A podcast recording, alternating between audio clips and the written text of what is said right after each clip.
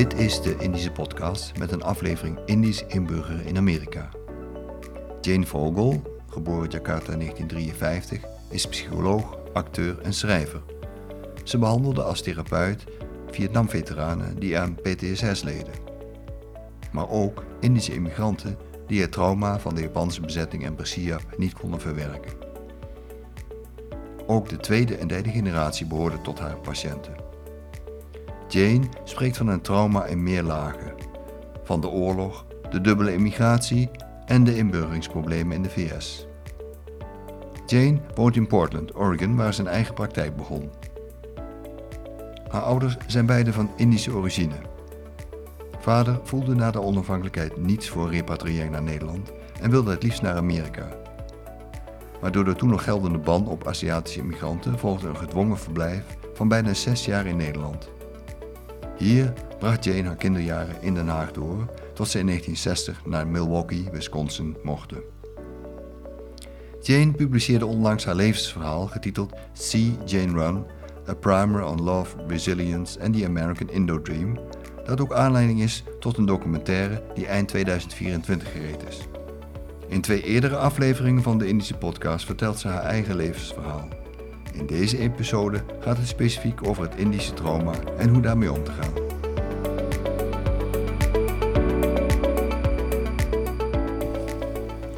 I am a retired psychologist, and my specialty was trauma psychology.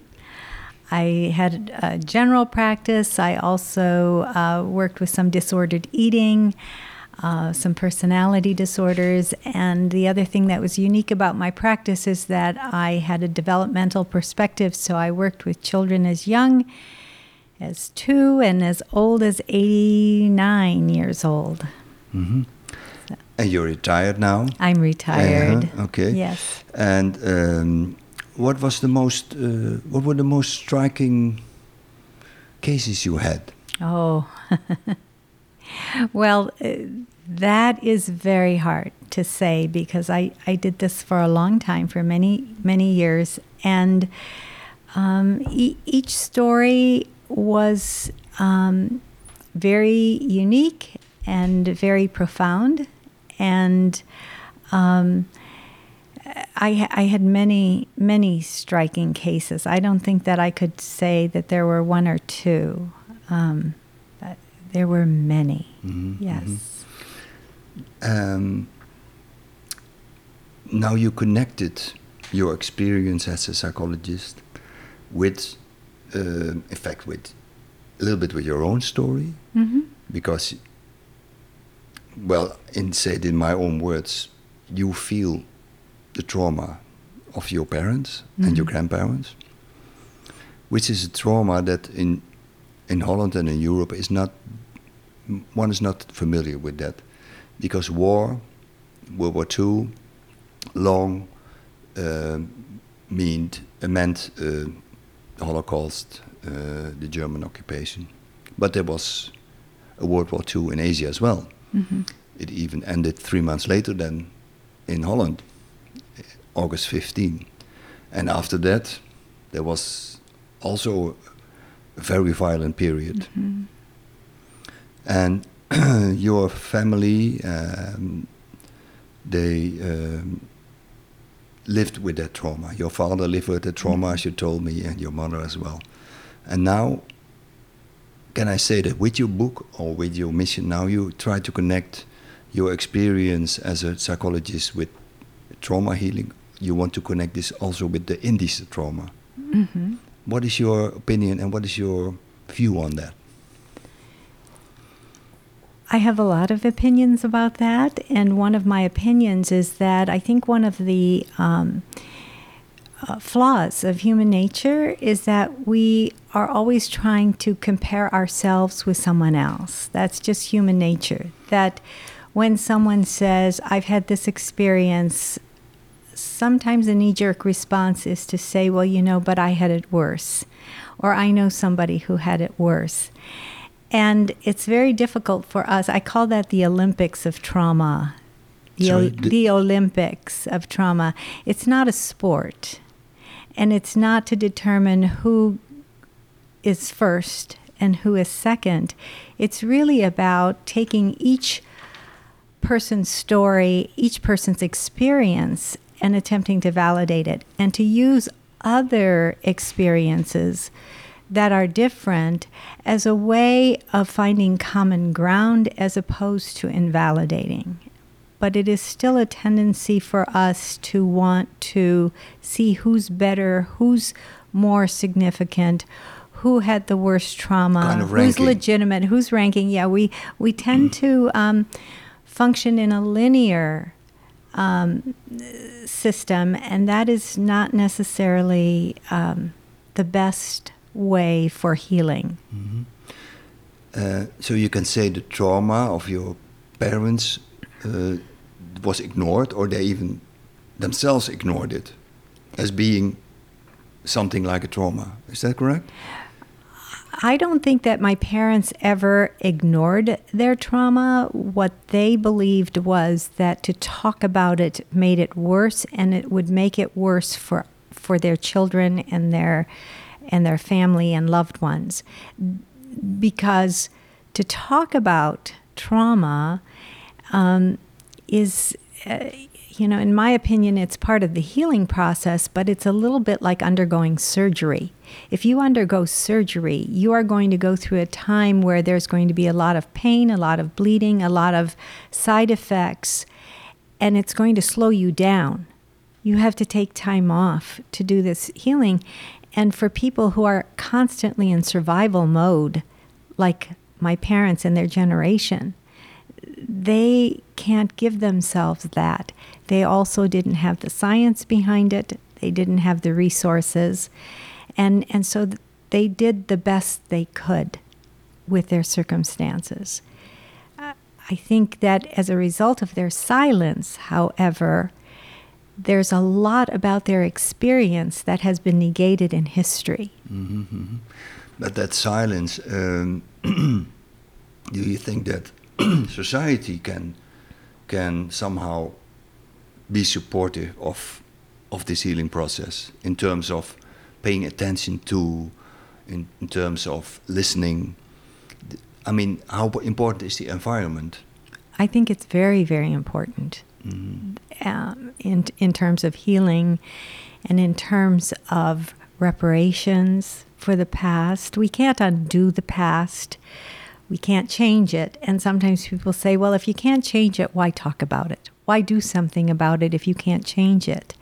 And I, I think that that's a very narrow view of the human condition um, because there is this thing of intergenerational trauma, and when things aren't dealt with, if healing doesn't take place, there i- there are residual consequences that impact future generations. Uh, in your opinion, is the Indies uh, are the Indies uh, uh, people uh, uh, more silent, more more tending not to talk about it, or is that the general attitude among immigrants not to talk about the past? I think that there's um, there's a cultural piece to it, but there's also a generational piece to it because there are people from other cultures who have said, you know, that generation tends to be silent. Even uh, survivors of the Holocaust, there are many of them who um, have survived that and who chose not to talk about it. Um, I think it, it's a it's a protective mechanism. Now, in terms of the healing process, um, can you describe the several steps in that process? You, you, already said it's like like undergoing an operation, so that's I understand. But how is this process? Is this is a process of just? I mean, is it counseling? Is it talking with your therapist, or what kind of steps you take in this healing process? Can you explain that to me? Well, it's hard to explain. It's complicated and it varies. There are practitioners, experts who have different points of view on how to proceed. Um, first of all, post traumatic stress disorder was really not defined until I believe the 1980s. I began practicing in the 1980s. And so I began practicing at a time where there really wasn't a lot of protocol. And in fact, I had um, practitioners say, why talk about the past?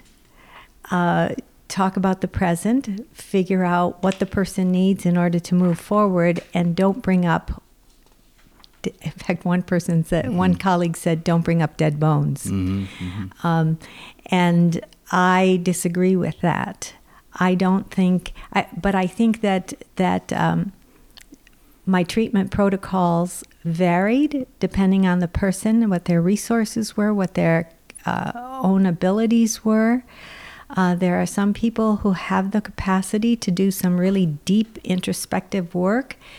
Uh, when you go through that process, there's a lot of um, decompensation that takes place, just like having to do a very in depth th- surgery. Mm-hmm.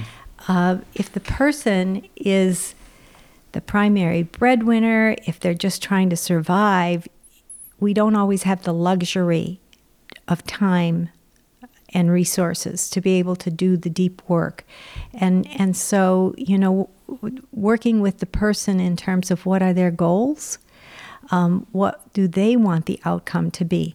War and um, well, trauma is, by definition is when a person has lost power and control, whether it's due to war, whether it's due to abuse, whatever. Or traffic have, accident. Traffic accident. Mm-hmm. They have been disempowered. And so finding ways, curative ways for them to recapture power and control in their life is what we need to do. And it's a combination of both um, uh, uh, trying to mobilize what resources they have but also being able to listen to their stories and from their point of view without judgment, without shame, without fear. And that's much easier to say and to talk about than it is to do. Yeah. It's very, very hard. And there are multiple variables that go into play here. It's not just what was the event or events that happened, it's also what is that person's abilities and what kind of a support system do they have in their environment and then not just their immediate environment, but their entire social environment. So, here in the United States, when we talk about things like intergenerational trauma from slavery, we not only have to look at that individual and what that individual's fa- familial experience might be, but we have to look at the systemic systems that perpetuate and constantly reinforce that trauma today.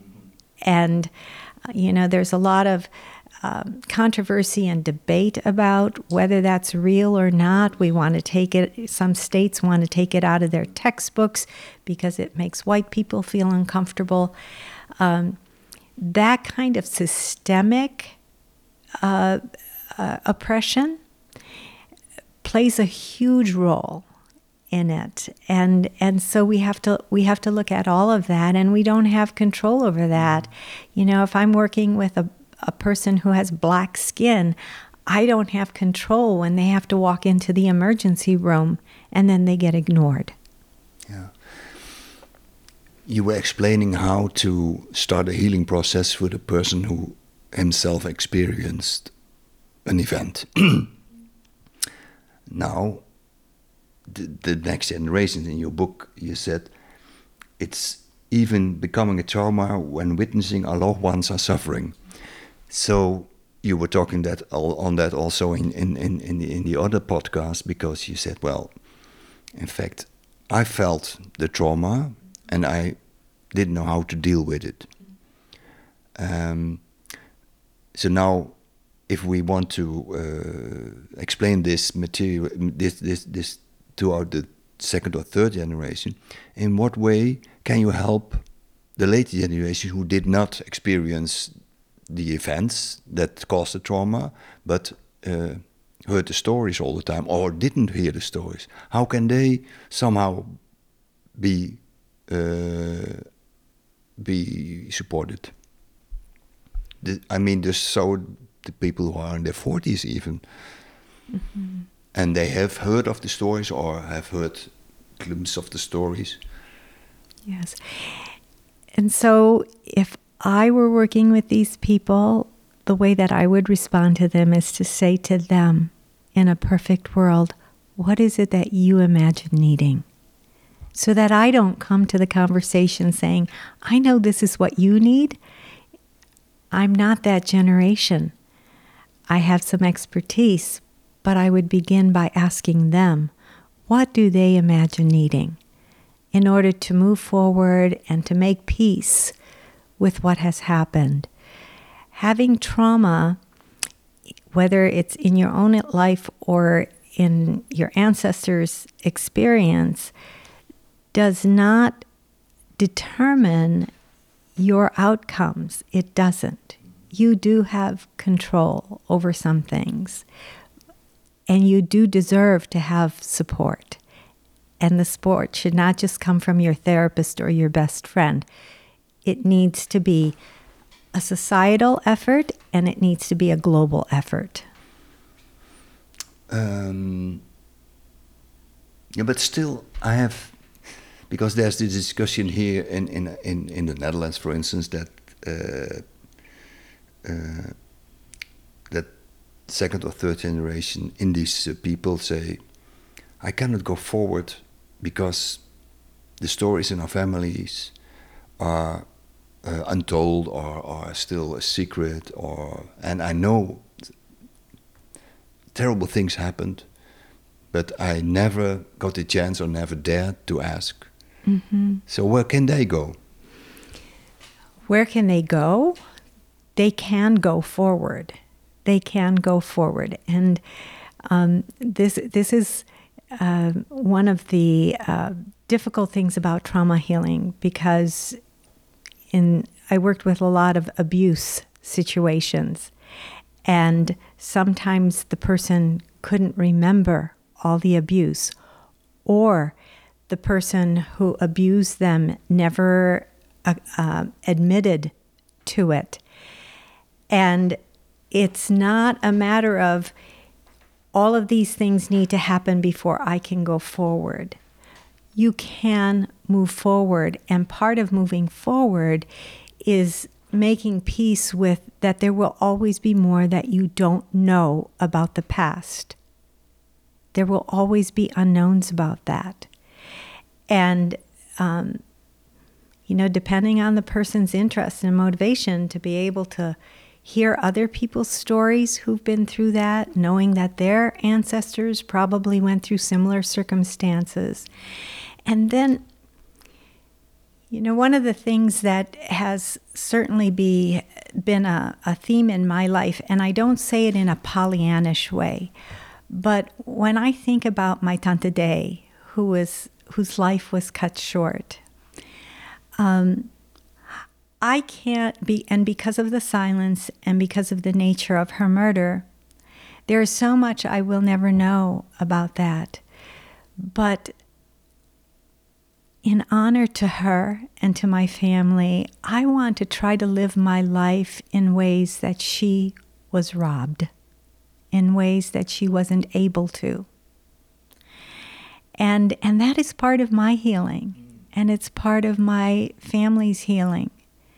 And, and so, you, you know, I, I think about um, that time in my family's history my father lost his brother, his sister, his father.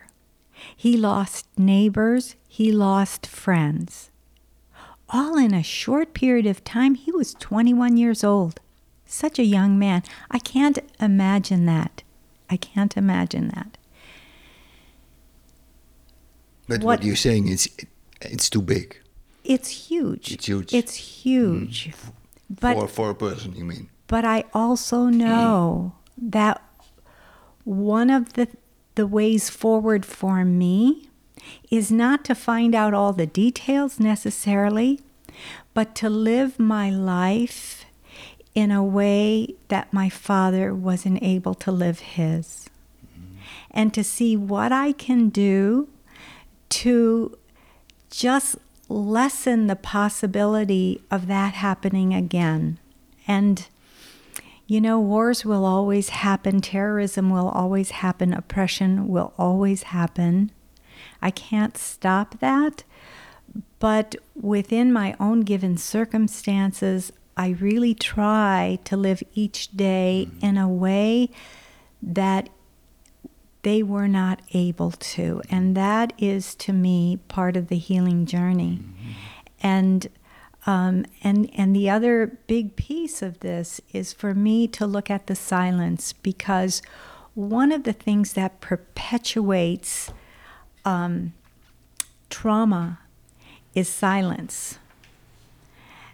Um, in in situations where people are trying to overpower other people, they want to silence them, and um, I don't want to be silent.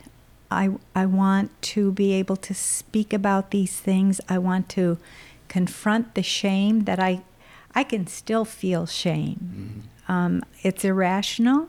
I know it's um, I don't deserve it, but it's something that was passed down to me, and so I want to talk about it.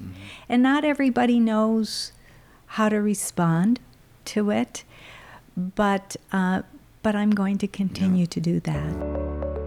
U luistert naar de Indische podcast met een interview met Jane Vogel in de serie Indisch inburgeren in Amerika. It's, it, it's a very rude uh, remark I heard several times. Um, we are victimizing our society. Victimizing in, in, in, in this way that your identity is connected to being a victim, being a victim of regulations of the, of the, of the government or a victim of, um, let's say, uh, pollution. So sometimes people say, well, there's another group of victims coming now because Mm. the Indies people are, tr- are starting to speak out. What you said, that's yes, good, speak yes, out. Yes. But th- they also get this reaction. Is that in America also the case that everyone wants to be a victim because that's in the identity? What do you think about that? It's a way of stopping the conversation. It's a way of aborting the healing. It's it's um, people's way of saying we need to keep the status quo. We can't disrupt the power structures. And so we shame people when we call people a victim. We shame and diminish them, and um, and it works for some people. And um, yeah, I have been called a victim. I've been accused of that, um, and I know that. How does that feel? Well, it it doesn't feel good. It doesn't feel good, Uh, but I also think of it sometimes as. Um, well, you've had children, and so you know that when a little one gets sick, they sometimes throw up really hard on you. It's just, and I say sometimes people projectile vomit on you, and it's not your fault. It just doesn't feel good. It doesn't feel good to have that vomit on you. And I think that's when people are called victims, when they're devalued, de, um, invalidated, it feels like someone's vomiting on me. Yeah, and, yeah, yeah. and I don't like it, but it doesn't define who I am. Mhm. And it, um, and I guess as a trauma psychologist, you could say, and they could say, that I worked with a lot of victims. And you know what? They were victimized. They are also some of the most courageous and strong and um, uh, thriving people. And the Indos are those people Mhm. strong, hmm very strong, hmm but they've been victimized. Yeah. Um, little bit into your research area or your professional area. You mentioned that uh, you know the PTSS was only starting in, in the 80s. Was that connected to the Vietnam? Uh, That was oh, it used, veterans? well, it was it was connected to war. Yes, Oh, yeah, yeah, yes, yeah. Vietnam, and uh, um, they used to call it shell shock Oh yeah, uh, prior to that. yeah, yeah, yeah. In World War One, there Mhm, was yeah. mhm. So only is, is 40 only 40 years ago it was starting uh, amongst your colleagues uh. Yes. in, in psychology. In what way would you now um, describe the, uh, the, the, the, the status quo now um, regarding uh, healing of uh, trauma?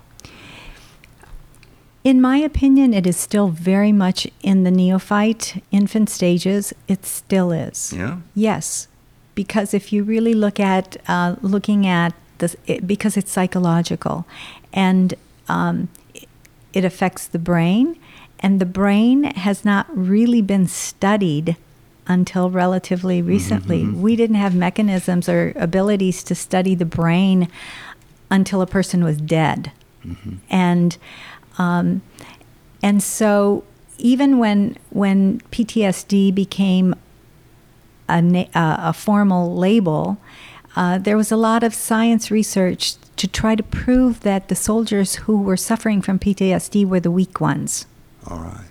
that they weren't the normal ones.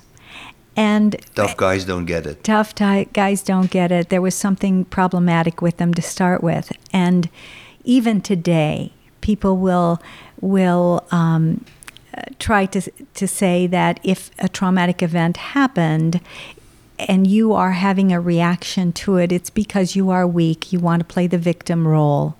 It it isn't because of what really happened to you.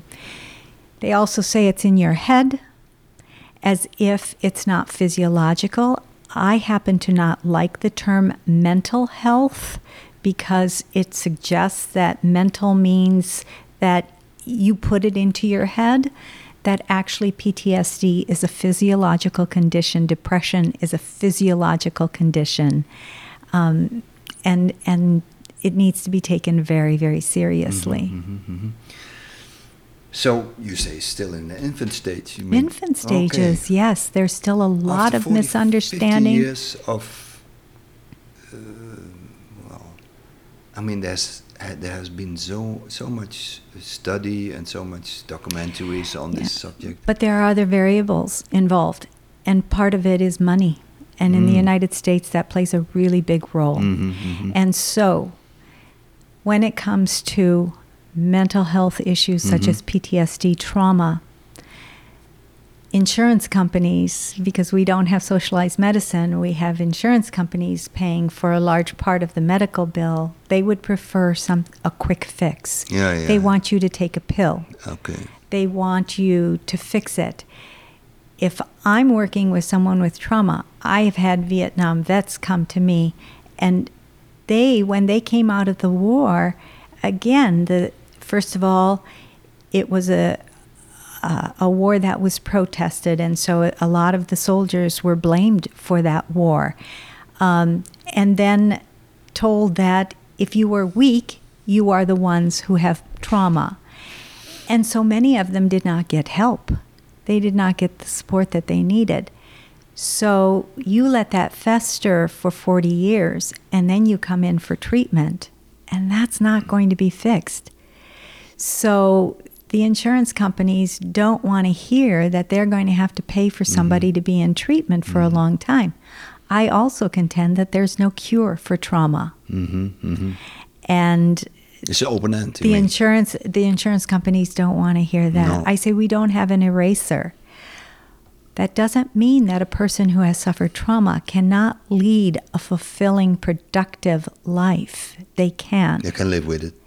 They in- can. in a way. They it Give it a can. place. It can with the right treatment, with the Mhm. right support. Uh, there can be very good outcomes for the people hmm but um, we don't we don't want to hear that and so money plays a role into in terms of validating and how much research and what kind of treatment are we really going to do um, so Whoa. there's Whoa. yeah and and i'm finding that when i look around i've not been practicing for about uh, seven years five years but when when i left the practice the treatment protocols for trauma i i just shook my head because they were really trying to come up with um, with uh, quick fix quick fix um, uh, ways of, of treating So trauma. The, so the young veterans like the Iraq Mhm, and, and mhm. Afghanistan, they also face this same policy. Right. Right. Quick fix, Yes. or you're you're a weak person, so it's it's Right. it's in the person. Right. And the and the other thing, the other misnomer is that um, you know, there was thinking that you could differentiate between single trauma and multiple trauma. And it's really hard to find multiple trauma because in this world today, it's really hard to go through life 40 years and not experience multiple traumas. Everything from maybe a parent dying Yeah. to you losing your job Right. to a pandemic Yeah. to whatever your ancestors went through. Mm-hmm. And the brain, I call it, it's it, the brain is a lumping mechanism. It lumps. And so it doesn't put things in a neat file cabinet alphabetically, it lumps things. And so when a traumatic event happens to you, it triggers, automatically triggers, and reawakens all the things that have happened to you, whether or not you remember them. Um, to go a little bit farther, there's also discussion and debate uh, between scientists that um, it does or does not affect DNA. hmm hmm What's your opinion on that? Well, I I left the practice before I got too deep into what the current scientific research is in that, and um, I, but from early on, I did believe that there were physiological changes that occur in people when they have experienced trauma. And when physiological changes happen, there are mechanisms in the body and the biology that get impacted. And whether that is, you know, I, I believe that the scientific research right now is saying the DNA doesn't actually change, but what changes is what gets manifest. So if you have DNA that puts you at risk for diabetes, if everything is going swimmingly in your life, you may happens. not be likely to get diabetes Yeah. or cancer. It should be triggered by something. But it but trauma can trigger that yeah, yeah, yeah. and and cause that DNA to then express itself, and so, um, and and it just to me it makes common sense that if um, a parent has suffered tremendously, and for example, the parent is carrying the baby in utero, that that that you know the biochemistry of that environment is changing and is going to impact that fetus. How? I don't think that we can have, we don't have causal explanations yet. Um, and I think that human beings are too complex to really get causal on it. But um, I, I- I do think that we need to be respectful of the fact that those things happen. And then it doesn't even if if nothing happens in utero but the trauma happens after that parent's ability to raise and nurture that child while they are drowning in their own depression their own trauma the child picks up on that. Hmm. And it affects that child. And you can see with siblings that one sibling may go one route and one sibling go the other. So you say well hmm. same parent trauma why is this one? Yeah. and and that is because everybody responds to it Yeah, yeah. differently But going a little, little step further, is that also the solution to cure? I mean, when are we able to change DNA? when are we able Yeah. to change dna In somewhere in the future, we will, don't you think? I don't know. I think some scary things will happen along the way when we start messing course. with that. I know, Yes, I know. Yes. Um, but some people say, well, just changed a little bit in DNA, and the trauma isn't there anymore. Yeah, I don't think that's. Sim- I think simple answers yield huge contraindications. I think we've tried so many times to take shortcuts, Yeah, I agree. And and we don't. Um, and and now PT, you know, PTSD used to be thought of in terms of of soldiers and war veterans. And you know, here in this country, we've had 9/11. We haven't had wars on our soil per se, but we have a lot of gun violence in this country. We have had the pandemic, and and so. Uh, we have a lot of opportunities for PTSD to enter into the mainstream of society, and it's no longer just affecting poor people, people who've gone to war, but it's affecting everyone. Yeah. Um, to come to a conclusion, um, your book um, has come out has, uh, this year in April this year. Uh, yes, I Yeah. really, I, I, actually, I think May, maybe. But your life and your life history is also becoming uh, subject of a documentary, which is will be filmed, uh, which is already uh, filming. There's also a part filmed next year in Indonesia. Yes. Why should people read your book and see that documentary? It would make me very happy. That's one thing.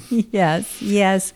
I am hoping that um, that there is enough definitely in my book that everyone will find something in there to relate to. That whether you are an Indo, or whether you are interested in trauma healing, or whether you are interested in in um, the arts, that there will be something there that might resonate with you.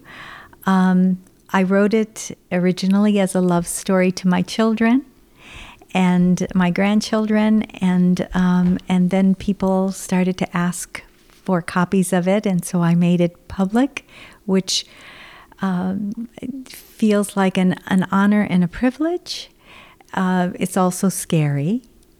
Uh, it's scary for me because there's You're a part out- right, there and there's. Mhm. there. Uh, my parents are no longer on this earth, and yet I know what private, private people they were, and um, uh, and they would not themselves want to speak openly the way I speak openly.